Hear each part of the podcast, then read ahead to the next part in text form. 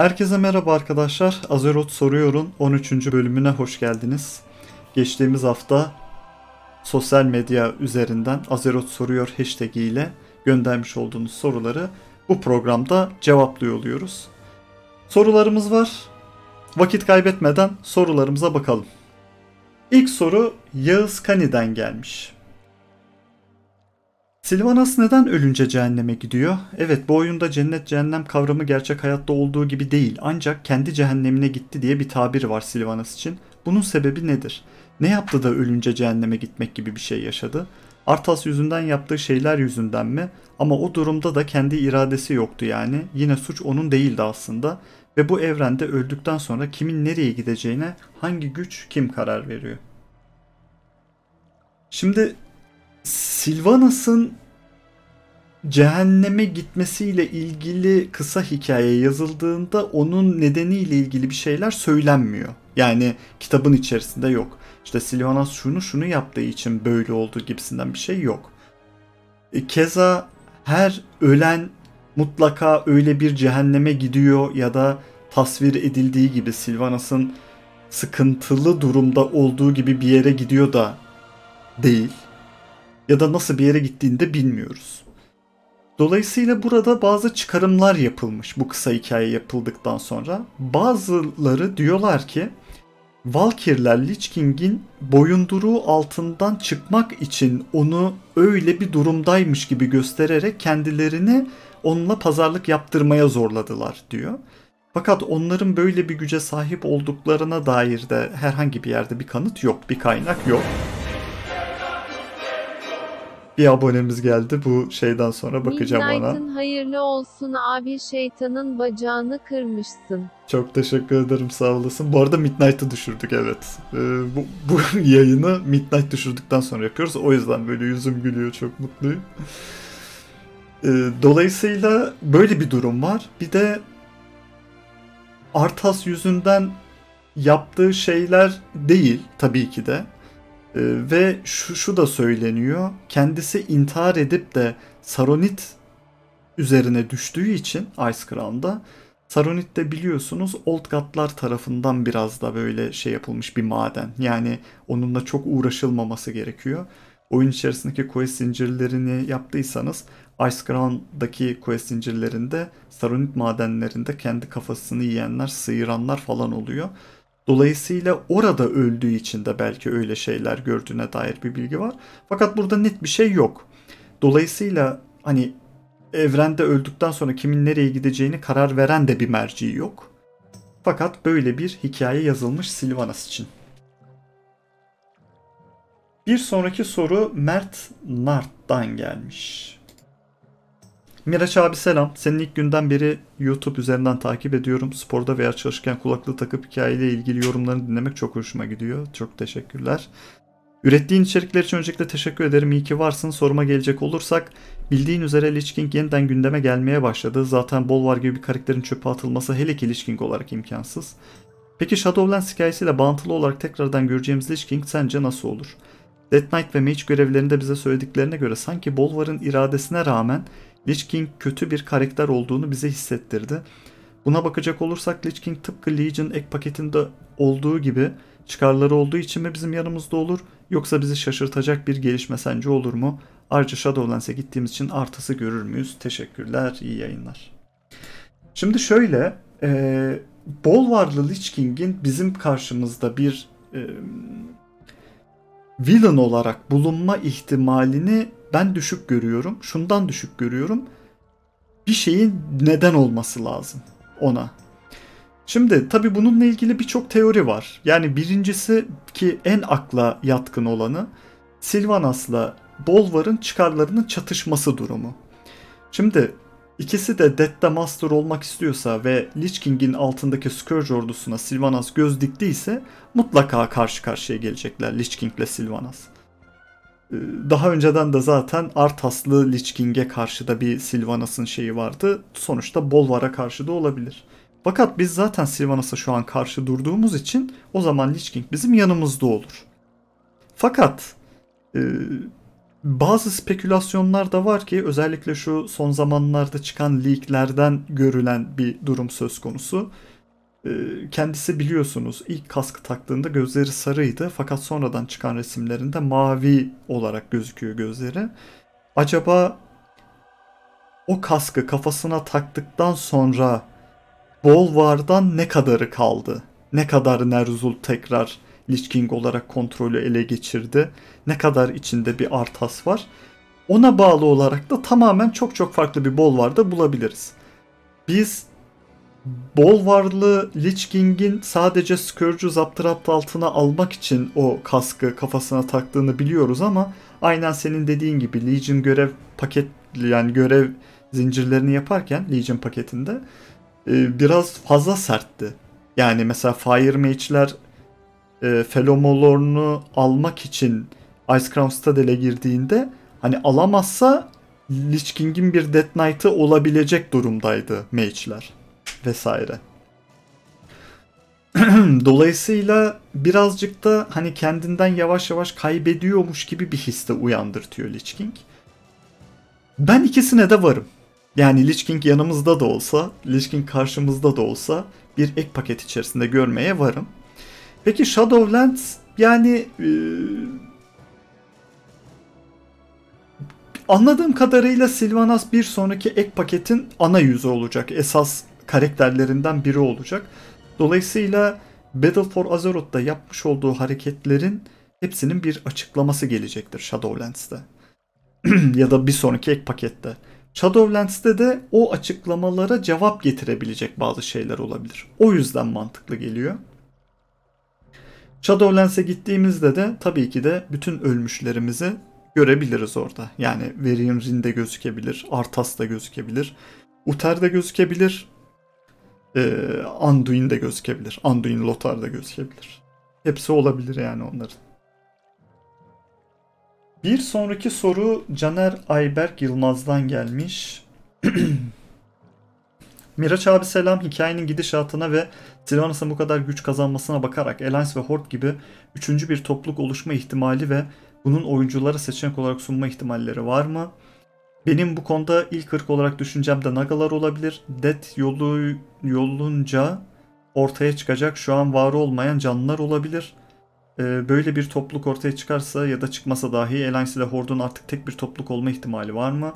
Ve son olarak şu anki barış döneminde NPC'lerin karşı klas oyuncusuna yönelik davranışı ne olacak? Örneğin bir Horde oyuncusu rahatça Stormwind'e girip çıkabilecek mi? Şimdi e, Alliance ve Horde gibi üçüncü bir topluluğun oluşma ihtimali yani oyun eğer Alliance'la Horde'un yanına üçüncü bir faction alacaksa bu biraz zor. Neden zor? Çünkü e, oyunun bir sürü şeyinin sisteminin değişmesi lazım. Yani questlerin tamamen değişiyor olması lazım. PvP'nin, arena yapılarının hepsinin böyle üçlü faction'a uygun hale getirilecek bazı şeyler olması lazım. Ama Alliance ve Horde birleşiyorsa ve biz Azeroth'un yanındakiler ve Azeroth'un karşısındakiler olarak iki faction'a ayrılacaksak belki öyle bir şey olabilir. Ama neden bir oyuncu oynanabilir bir e, ırk olarak karşı tarafta yani kötü tarafta yer alsın bilemiyorum. Nagalar olabilir mi? Nagalar yapı itibariyle RPG oyunlarına ya da RPG üyelerine çok uyan e, ırklar değil. Yani kendileri biliyorsunuz serpent variler biraz. Yani bacakları yok. E, nagaların biraz balık şeyleri var. Dolayısıyla onların üzerine kıyafet giydirmek, oynanabilir bir ırk yapmak şu an için zor. Kolaylaştırırlarsa o Naga olmaz. Yani Jinyu'ya benzer ya da ne bileyim bu en son e, Nazcatar'a gittiğimizde Alliance'ın karşılaştığı ırka benzer bir ırk olur. Onlar da Naga olmaz. Ee, sorunun son parçasında da factionlar arasındaki ilişki ne olacak diye sormuşsun. Yani şöyle söyleyeyim. iki ırk arasında barış olması demek illa o factionlara ait kahramanların karşı tarafa rahatça girip çıkması anlamına gelmeyecektir. Fakat eğer bir raid yapıyorsanız ya da bir dungeon yapıyorsanız Alliance ve Horde oyuncuları birlikte o dungeon'ı yapabilecek bir sistem getirebilirler belki. PvP kısmını öldürmemek için de Alliance ile Horde arasında her ne kadar bir anlaşma imzalanmışsa da o anlaşmaya sadık kalmayan bazı e, fanatik gruplar birbiriyle hala çatışıyor şeklinde bir hikaye anlatımına gidebilirler. Orada bir sıkıntı olmaz. E, tamamen factionlar ortadan kaldırırlarsa yani Alliance ve Horde diye bir şey olmazsa söylediklerim belki bir nebze anlamlı olabilir. Ama ben e, onun oluşacağını zannetmiyorum. Irkların da bazıları Alliance ya da Horde'da barınabilirler, bulunabilirler. Forsaken'lar gibi, Taurenler gibi. Bir sonraki soru Uğur Yılmaz'dan gelmiş. Kısa ve net bir soru. Warcraft 3 Reforged ile RTS ruhu geri gelir mi? Çıkınca oynayacak mısın? Şimdi RTS ruhu geri gelir mi? O biraz zor. Çünkü şöyle söyleyeyim. Real time strateji aslında bir zamana damgasını vurmuş. 90'lı yıllarda çok çok çok önemli bir oyun türüydü ve e, çok güzel örnekleri vardı. Her oyun stüdyosu mutlaka böyle bir oyun yapmaya çalışırdı. Yani ne bileyim işte Command Conquer'lar, Starcraft'lar, Warcraft'lar, Doom'lar aklınıza hayalinize gelebilecek bu tabi tanınmış irili ufaklı birçok şey vardı. Dolayısıyla eğer RTS ruhundan kastın o zamanlarsa çok çok zor. Çünkü oyun oynayan oyuncu yapısı da değişti. Yani o zamanlarda genç olarak biz o RTS oyunlarını oynayan kitle şu an 30 yaşının üzerinde hatta bazıları 40 yaşının üzerinde. Dolayısıyla e, o ruh kolay kolay geri gelmez. Fakat tabi bazı şeyler var. Yani mesela Tiberian Sun Command Conquer'ın reworkları falan yapılıyor. Ee, Warcraft 3'ün Reforged'ı geliyor. Yani evet insanlar bu oyunu oynar ama yeni oyun stüdyolarına bu RTS öğelerini yeniden ayağa kaldıracak şeyi vermeyecektir. Fakat tabii ki de Warcraft fanları buna bakacak. Warcraft 3'ü RTS'sin zamanında oynamış oyuncular yeni grafikler ve yeni dizaynlarla bu oyunu yeniden oynayacaklardır. Fakat o zamanki e, tüm dünyayı kasıp kavuracak olan oyun türü artık kalmadı. Artık oyuncular daha çok e, online oyunlar, rekabetçi oyunlar e, bunlara çok çok yoruyorlar kendilerini. Yani Battle Royale tarzı, efendime söyleyeyim, MOBA tarzı oyunlar şu anki gençlerin daha çok gözdesi. Dolayısıyla çok büyük bir ihtimalle RTS ruhunu başlı başına geri getiremez. Çıkınca oynayacak mısın? Ben RTS ruhunun yerleştiği zamanlarda da RTS oynamıyordum. yani beceremiyordum da açıkçası. Ee, böyle arkadaşlarla StarCraft için internet kafelere falan geldiğimizde ben hani e, ne bileyim Şampiyonlar Ligi'nde böyle ölüm grubuna düşmüş Malmö takımı gibi averaj takımı oluyordum direkt. Ee, daha oyunun 5. dakikasında benim üstün üstünden geçiyorlardı. Oynayamıyordum. Dolayısıyla oynayabilen bir oyuncu değilim. Ee, oynamayı düşünüyor muyum? Aslında düşünmüyorum. Fakat hani eğer siz çok böyle ne bileyim community'den abi bunu mutlaka oynayalım falan denirse ve benim yapacağım o saçmalıklara herhangi bir şekilde tepki vermeyecek kadar olgunlukla karşılayacak bir community'm olursa belki deneriz. Ama dediğim gibi yani e, benim için Warcraft 3 Reforged'un çıkması önemli. Şundan önemli. E, insanların Warcraft 3 zamanındaki lore'a hakimiyeti açısından oynadıklarında e, o anları yeniden yaşayabilmeler açısından önemli. Fakat oyunun kendisi açısından benim çok sevdiğim bir oyun tarzı değil. Bunu zaman gösterecek oynayıp oynamayacağım yani Uğur'cum onu söyleyebilirim. Bir sonraki soru Çin Çin'den gelmiş. İyi günler abi direkt soruma geçeyim. Mac ve Necromancer klaslarını community'nin bayağı bir istediği görülüyor. Elite Race'lerin Death Knight olma olasılıklarıyla birlikte Necromancer klasında sonraki ek pakette görür müyüz? Yayınlarını izleyemiyorum ama YouTube'dan takip ediyorum. Seviliyorsun abi. Bu arada Ford'u Orkish Ford demiş. Çok teşekkür ederim güzel sözlerin için. Şimdi e, Mac'den kastın sanırım Tinkerer gibi bir klas değil mi? Yani e, klas bazında düşünecek olursak. Yani evet Community Necromancer'ı istiyor. Ee, ama Necromancer'ı istemelerinin birinci amacı öyle Death Knight'ın Unholy'sine benzer bir klas istemelerinden dolayı değil. Biraz daha böyle e, dark büyüleri kullanabilen, Shadow Priest'e benzeyebilen bir range isteklerinden kaynaklanıyor. Tabi Diablo'da falan Necromancer klası vardı yanılmıyorsam. E, dolayısıyla ona böyle birebir benzeyebilecek ya da ondan esinlenebilecek bir şey bile e, insanları hype'landırabilir. Şimdi tabii ki de bir sonraki pakette Necromancer klası gibi bir klasın gelebilme ihtimali yüksek. Ama e, her zaman dediğim gibi biz her iki pakette bir yeni bir klas görüyorduk. E, geçtiğimiz şeyde Elite Race'ler geldiği için yeni bir klas oyuna eklenmedi. Fakat oyunun hikayesine bağlı olarak eğer istenirse bir klas gelebilecek durumda.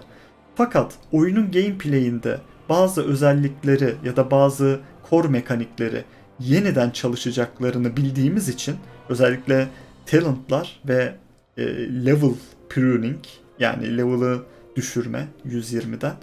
Dolayısıyla bunların üzerine odaklanacakları için belki bir expansion sonra yeni bir class getirebilirler. Ama belki de tam gaz bu klasa hazırlanmışlardır. Çıkabilir de.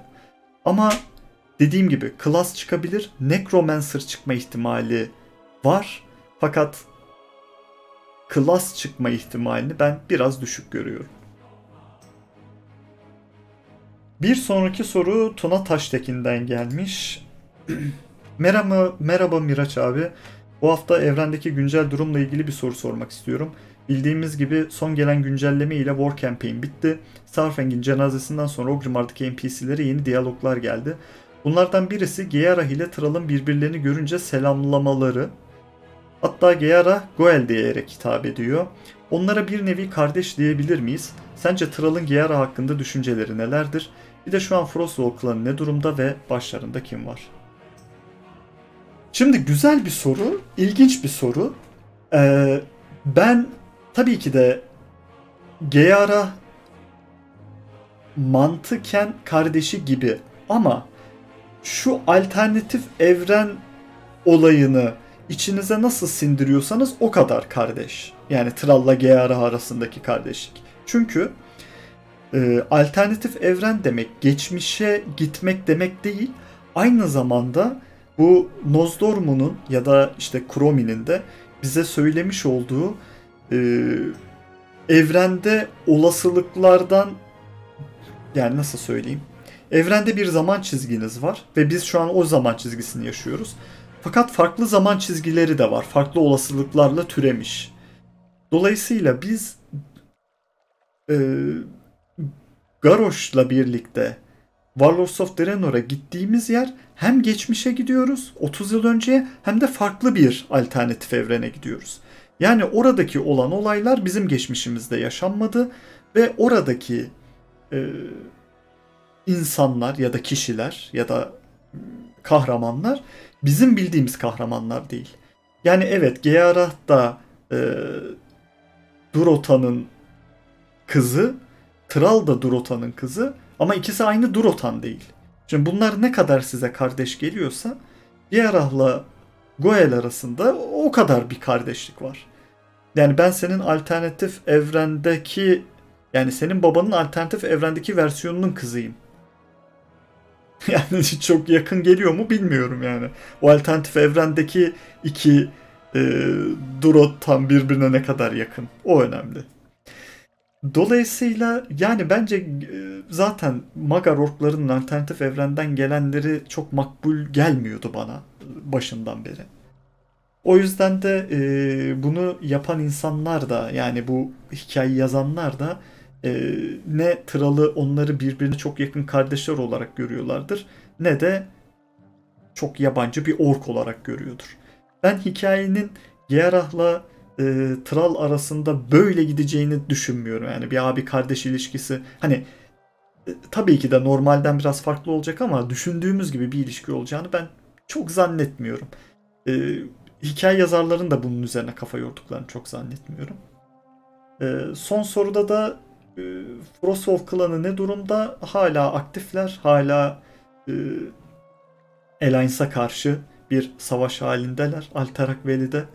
Ve başlarında da e, Drektar var. Şaman Drektar. Bir sonraki soru Nusret'ten gelmiş. Benim sorum Coltra Death, Re- Death Weaver ile ilgili. E, Torusan Battle for Light Soap Chapel'de sonra Stormwind'e gidip insanlara katılıyor. Lakin okuduğum ve gördüğüm kadarıyla Coltra Silver Moon Faction'ı yerine Forsaken'a katılıyor. Kendisi ayrıca Forsaken olarak taglenmiş. Bunun sebebi nedir? Bir de Battle for Andor Hall'daki Scourge'u temizlemek e, Tasarya'nın ordusuyla birlik olup bölgedeki orduları temizliyor. Bir ateşkes süreci oluyor. Ondan sonra Tasarya'nın emrindeki çiftçiler silahlanıp Forsaken'lara saldırınca Tasaryan savaşmak zorunda kalıyor. İkisinin sıkı dost olduğu Death Knight prologunun da üstüne basıla basıla belirtilmişti. Hatta Orbaz Bloodbane Tasaryan'a Scourge kodunu ihlal ettiği için kızmıştı. E, Forsaken Valkyrie'leri ile gelip ölmüş çiftçileri summonlayıp Andor Hal'a ele geçirince Sylvanas'ı Colt'e esinlenip sonra Undercity'ye hapsetmesinin sebebi nedir? Teşekkürler. Şimdi Coltra Death Weaver'la ilgili e, bizim bilgilerimiz tabii ki de Lich King paketinden ve Kataklizm'den sonraki dönemlere de uzanıyor. Fakat e, Kataklizm'de özellikle Andor Hall Quest zinciriyle ilgili olan şeye bakacak olursak Volterra Deathweaver bir Blood Elf'ken Tasa, Tasaryan tarafından öldürülmüştü. Ve daha sonra Lich King'in e, himayesinde bir Death Knight olarak yeniden diriltildikten sonra kendi özgür iradesine kavuşunca Tasaryan'la arasında her ne kadar onun katili olmuş olmasına rağmen e, aralarında belli bir yakınlaşma oldu. Ve bu yakınlaşmada da Andor Hall'da üçlü bir savaş vardı. Alliance, Horde ve Scourge. Alliance ile Horde bir anlaşma yaptılar. Dediler ki biz Scourge'ü Andor Hall'dan temizleyelim. Yani önce kaynaklarımızı buna harcayalım. Daha sonra Alliance ile Horde arasında bir savaş yapılması gerekiyorsa o zaman yaparız. Çünkü bu üçlü savaş içerisinde Alliance ile Horde birbirine silah çektiğinde bu Scourge'e yarayacak demişlerdi. Yok Quest zincirini yaptığınız zaman da oradaki lichleri Andor Hall'dan temizliyorsunuz ve daha sonra da e, Tasaryan'la Coltera zaten arkadaşlar ve bir anlaşma yapılıyor. Şimdi bu anlaşma neticesinde Sylvanas Coltera'ya çok kızıyor. Ve sen neden e, Alliance'la yani düşmanla bir anlaşma yapıyorsun? Neden Horde'un isteklerini yerine getirmiyorsun diyerek onu Undercity'ye hapsediyor. Ee, ve Undercity'ye hapsettikten sonra da bütün e, Sylvanas'a yapılan şeylere rağmen, telkinlere rağmen ne olur onu serbest bırak diye Death Knight'lar tarafından asla serbest bırakmıyor. Şurası çok ilginç Coltira ile ilgili. Sanırım Legion'da Death Knight oyuncuları e, Coltira'yı kurtarıyorlar. E, Sylvanas'ın elinden. Ve onları tekrardan Death Knight'ların yanına alıyorlar. Ve orada Coltira Sylvanas'la ilgili ya da onun yıllarca yapmış olduğu Undercity'deki hapsiyle ilgili tek bir kelime etmiyor ve diyor ki sadece bundan sonra Legion'da savaşalım. Yani e, önceliğimiz bu diyor ve bunu yapalım diyor. Eğer ileride Coltira hikayeye biraz daha fazla katılacaksa belki Sylvanas'ın şu an gördüğü bazı şeyleri onu ona göstermiş olabilir belki ya da ondan e, ölümde ona destek çıkacak bir karakter yarat ya da karakter olmasını istiyor olabilir. Aynı Nathanos'ta olduğu gibi belki. Dolayısıyla kızdığı için ve sinirlendiği için onu Undercity'ye hapsettiğini düşünüyoruz. Fakat son gelişmelerle 2-3 ek paket sonra belki de farklı nedenlerle yaptı onu bilemiyorum. Bir sonraki soru. Varian Rin'den gelmiş. Arthas Illidan fight'ında Warcraft 3 Undead Ending sinematiğinde de gördüğümüz üzere Arthas Illidan'ı yaraladıktan sonra onu öldürmeden gidiyor. Ruhunu Frostmourne'un içine alıp ileride Drenosh gibi güçlü bir Undead olarak kaldırabilecekken neden Illidan'ı öldürmedi? Şimdi bunun en büyük nedeni arkadaşlar tabi bilebileceğiniz gibi oyunda Illidan'ı tekrardan kullanmak gameplay açısından o kahramanı yıkmamak, öldürtmemek. Ama hani sulandırmadan hikaye üzerinden nasıl bir şey olabilecek diye soracak olursak bir kere o anda Arthas hala Lich King'e bağlı bir Death Knight. Lich King güçlerinde değil. Dolayısıyla kendisi şu an onu Frostmourne'un içine alıp Drenosh gibi güçlü bir undead olarak kaldıracağını bilmiyor olabilir. Sadece bir Death Knight sonuçta. Yani öyle bir güce sahip olduğunu bilmiyordu. Bir o. İkincisi de zamanla yarışıyor arkadaşlar Arthas orada. Hatırlayın Illidan Lich King'i öldürmek için Kil'jaeden'la anlaşma yaptıktan sonra e, abisi Malfurion araya girmese o ritüeli tamamlayıp Lich King'i tamamen ortadan kaldırabilecek bir pozisyonda olacaktı ama sadece buzunu çatlatabildi ve Lich King'in güçleri yok olmaya başladı. Nerzul da dedi ki acilen benimle merge olman lazım. Yani hiç vakit kaybetmemen lazım dedi. O da hemen yola çıktı. Önce e, Kael'thas Sunstrider'la Arthas bir kapıştı hat biliyorsunuz. Daha sonradan da tam Frozen Throne'un eteğinde Illidan'la kapıştı. Ve bu Illidan'la olan fight'ı da öyle kısa sürmedi. Yani hani tek atıp geçmiş de değil. Bayağı duelloya tutuşuyorlar orada hikaye anlamında. Dolayısıyla orada Illidan'a son ölümcül darbeyi vurmak yerine bir an evvel Lich King'le merge olması onun için daha önemli de olabilir. Yani burada bir vakit kazanmak için. Ve aynı zamanda Lich King olduktan sonra nasıl güçlere sahip olacağını da bilmediği için Illidan'ı bir Drenoş gibi ayağa kaldıracağını da bilemiyor olabilir.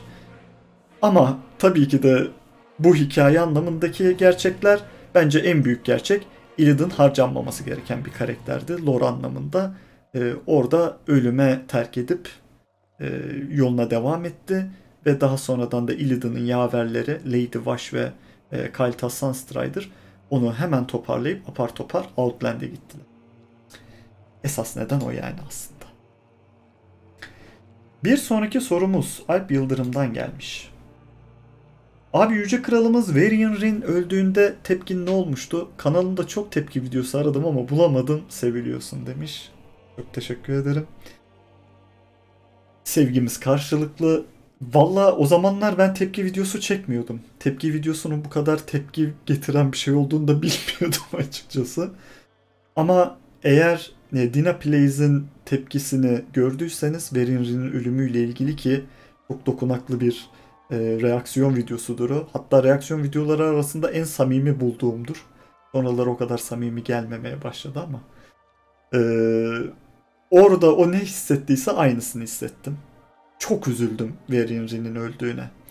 Fakat şöyle bir durum vardı. Varian Rin'in ölümüyle ilgili sinematikteki şey öl olmadan önce biz Varian'ın öldüğünü biliyorduk. Dolayısıyla sinematiği izlerken ki aleti ruhiyem ne zaman acaba ölecek gibi bir şeydi. Dolayısıyla ilk o bıçaklar e, kralın arkasından saplandığında o kadar şok olmadım. Çünkü ha demek ki böyle ölüyormuş, oluyormuş oldu. E fakat tabii ki de yani bir Alliance kralı kaybediliyor orada ve Gul'dan gibi bir ee, varlık tarafından öldürülüyor. Ama son sözünün e, for The Alliance olması üzdü. Hakikaten üzdü. Yani orada öyle bir boğazımıza bir yumru oturdu. Ee, ama evet kanalımda yok. Onun reaksiyon videosu yok. Doğru diyorsun. Bir sonraki soru Erim Ergin'den gelmiş. Abi merhaba, geçen gün senin yayındaki önerin üzerine Headless Horseman'in Azero sohbetlerini dinledim ve şimdiye dekki en etkilendiğim hikayelerden birisi oldu. Soruma gelecek olursak, senin gerek oyun içi hikayelerden, gerek kitaplardan ya da çizgi romanlardan en etkilendiğin, en dokunaklı bulduğun hikaye nedir? Yani benim için en dokunaklı hikaye ben bu bunu hep anlatıyorum da zaten bununla ilgili bir e, şey var bir Azeroth sohbetlerim daha var. En dokunaklı hikayeler gibisinden. Tabi gerçek hayatta kendi yaşamıyla mücadele eden bir ufaklığı e, bir genç arkadaşımızı Blizzard ofise ziyaret ettirip ona bir quest tasarlattıkları ve onun e, Make a Wish e, bir dilek tut. Bizim Türkiye'de de var bir dilektut.org e, onun üzerinden yapılmış olan bir kampanya. E, bir Tauren Quest'i oluşturuyorlar o arkadaşımız için. E, sanırım gözünde olan bir tümörden ötürü e, hayatını kaybediyor daha sonradan. Fakat günümüze kadar o quest yaşıyor. Hala gidip oynarsanız arkadaşlar bir tane kurtu beslediğimiz Blood of Village içerisinde Tauren e, yerinde en yani gerçek bir şeyi olduğu için de en etkilendiğim hikaye odur. E, hüzünlendirici bir hikaye. Yani o quest'i ne zaman yapsam o genç arkadaşımız aklıma geliyor. Ee, onun dışında da oyun içi hikayelerden en etkilendiğim tabii ki de e, Shenzin Su ve Liu Leng'in e, hikayesi. Bunu defalarca anlattım ama çok kısa değinecek olursak çok maceracı olan fakat bir türlü Pandarya'dan ayrılamayan içerisinde böyle macera ruhu olan bir Pandare'nin e, kıyıda bir gün böyle okyanusu seyrederken kaplumbağaları gördükten sonra ya bu kaplumbağalar kumsalda doğduktan sonra yumurtadan çıktıktan sonra büyüyene kadar bu kıtalı kıyıları hiç uğramıyorlar. Sonra tekrardan geri yollarını bulup buraya yumurtlamaya geliyorlar. O zaman ben bunlardan biriyle birlikte açılsam denize yeniden dönebilirim diye cesaret alıp bu yolculuğa başlaması ve her seferinde Azerot'u dolanıp gördüklerini Pandaren halkına anlatması. Ama daha sonra tabii o üzerinde olduğu kaplumbağa büyüyor, büyüyor, gidiyor, geliyorlar, büyüyor. Yanına başka pandarenleri de alıyorlar. Gidip geliyor yani birçok birçok ee, kişi oluyor kaplumbağanın üzerine ve kaplumbağa her seferinde büyüyor. Ve her seferinde geldiğinde hikayeler anlatıyor. Tabii artık çok yaşlanıyor. Daha da ağırlaşıyor. Fakat bir gün tabii Liu Leng vefat ediyor. Ama o daha yavruyken bir bağ kurmuş olduğu kaplumbağası o kadar üzülüyor ki onun vefatından sonra. Ben eğer Pandarya'ya dönersem Liu Leng'siz onu bekleyen çocuklara hikayeyi kim anlatacak? Bunu düşünüyor ve diyor ki ben geri dönmeyeceğim oraya diyor. Ve Pandarya'ya o günden beri hiç gitmiyor. E, Liu Leng'i kaybettiği için. Ve o kaplumbağada arkadaşlar şu an Wandering Isle olarak geçen Pandarenleri açtığınız zaman level 1'de üzerinde gezmiş olduğunuz o dev kaplumbağa üzerinde artık manastırı falan olan dev kaplumbağa Senjinsu. Ee, bunun hikayesi de bana çok dokunmuştu. Ve o kaplumbağanın yaşadıkları ve işte bir daha Pandarya'ya geri dönmemesi. Ve oyunda da arkadaşlar eğer her cumartesi akşamı saat 10'da server saatiyle Krasarang Vals'taki sahile inerseniz hala orada bir grup Pandara'nın o belki döner diye o kaplumbağayı beklediğini ve Liu Leng'i andıklarını göreceksiniz. Eğer o saatte orada olursanız da bir de achievement'ı var onun. Achievement'ını da almış oluyorsunuz. Ve bugünün son sorusu. Cucu'dan gelmiş. Abi selam. Yaklaşık 7-8 senedir NOM oynuyorum ve gerçekten severek oynuyorum. Fakat bu ufak arkadaşlarımızın hikayede Alliance'in yanında durmaktan başka üstünde konuşabileceğimiz bir hikaye katkısı yok mu? Veya konuşabileceğimiz bir NOM kahraman da mı yok? Şimdi aslında NOM'ların tabii ki de çok çok büyük bir e, hani Warcraft 1, Warcraft 2, Warcraft 3 efendime söyleyeyim daha sonradan e, klasik Burning Crusade falan yani böyle oyunu hikaye yönlendirecek hikayeleri yok. Büyük hikayeler. Ama kendilerince e, Nomrega'nın radyasyon yayılması, Lepernomların ortaya çıkması, e, Turokları önlemeleri, e, aynı zamanda Dwarflara yardımcı olmaları, e, ikinci savaş döneminde Alliance'dan izin isteyip Nomregan'ı ayağa kaldırmak için o savaşta sadece maddi yardımda bulunmaları, savaşın aslına kendilerinin katılmaması gibi birçok hikayesi var. Fakat bunlar dediğim gibi yani yani biraz üzerine araştırıp da bakmanız gereken hikayeler. Ee, konuşabileceğimiz Nom kahraman da yani şöyle düşündüğünüz zaman işte e, Gelbin Mekatork, e, Sikko Thermoplak, e, Kromi, e, Jaina'nın yaveri o yardımcısı Teramor'da ölen Nom var. E, Wilfred Whistlebank var. E, Jaraxxus'u samınlayan. Yani birçok Nom karakteri de var hikayede.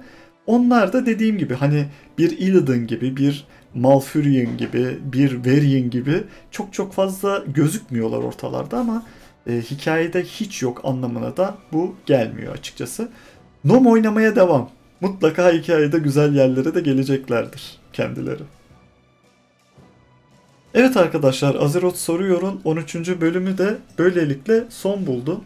Eğer sizler de bir sonraki e, programda Azeroth Soruyor'un 14. bölümünde sorunuzla yer almak isterseniz bu bir YouTube videosu olduğunda YouTube videosunun altına yoruma sorunuzu bırakabilir veya e, Twitter üzerinden Azeroth Soruyor hashtag ile sorunuzu gönderebilirsiniz. İzlediğiniz için çok teşekkür ederim.